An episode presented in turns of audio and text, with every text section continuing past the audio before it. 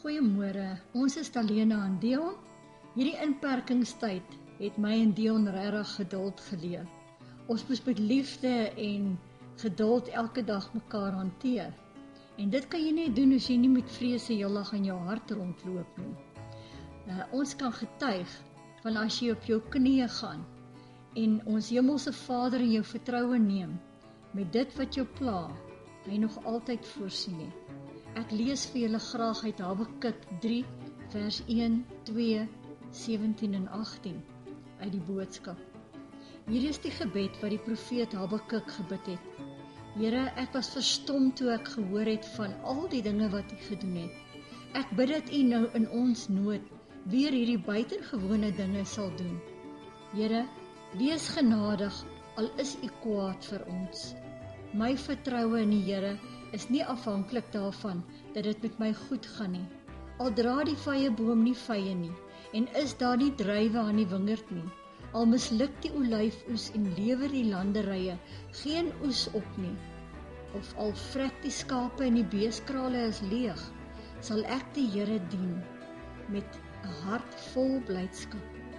Ek het al ervaar hoe die Here my uit moeilike omstandighede red.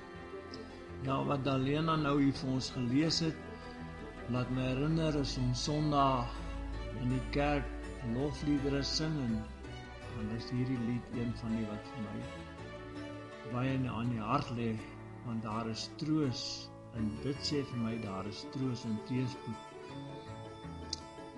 Dit is ma maklik om God te loof en te dank wanneer dit goed gaan, maar wanneer die moeilike dinge kom soos nou en dit voel of jou gebede onbeantwoord bly, dan word lofprysing dikwels vir baie mense baie moeilik.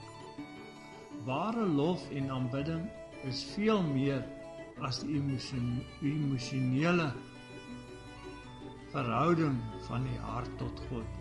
Dit is figuurlik gesproke om in die aangesig van God op te kyk en opreg te vra: Here, wat wil U hê moet ek doen?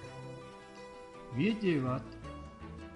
Jy kan dalk geskok wees met die antwoorde wat jy kry, want dinge kan uitkom oor jou lewe van op die oomblik. My onvergewensgesindheid teenoor ander mense Ja, dalk hoogmoedigheid in jou daaglikse lewe. My denke oor medegelowiges. Mens kan so maklik praat. Ja, ek sien daai ou versigtig wees.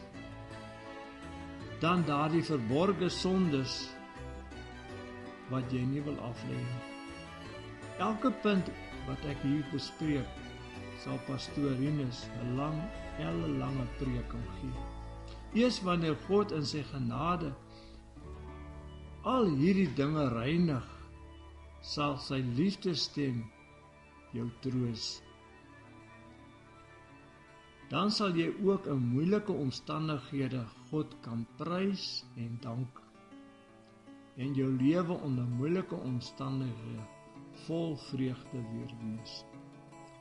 My gebed gaan dan daaroor Getroue Here, Dankie vir u reinigende krag en vertroosting en liefde veral in hierdie dae en die oomblikke wat ons beleef. Baie dankie vir u liefde. Dankie vir u genade.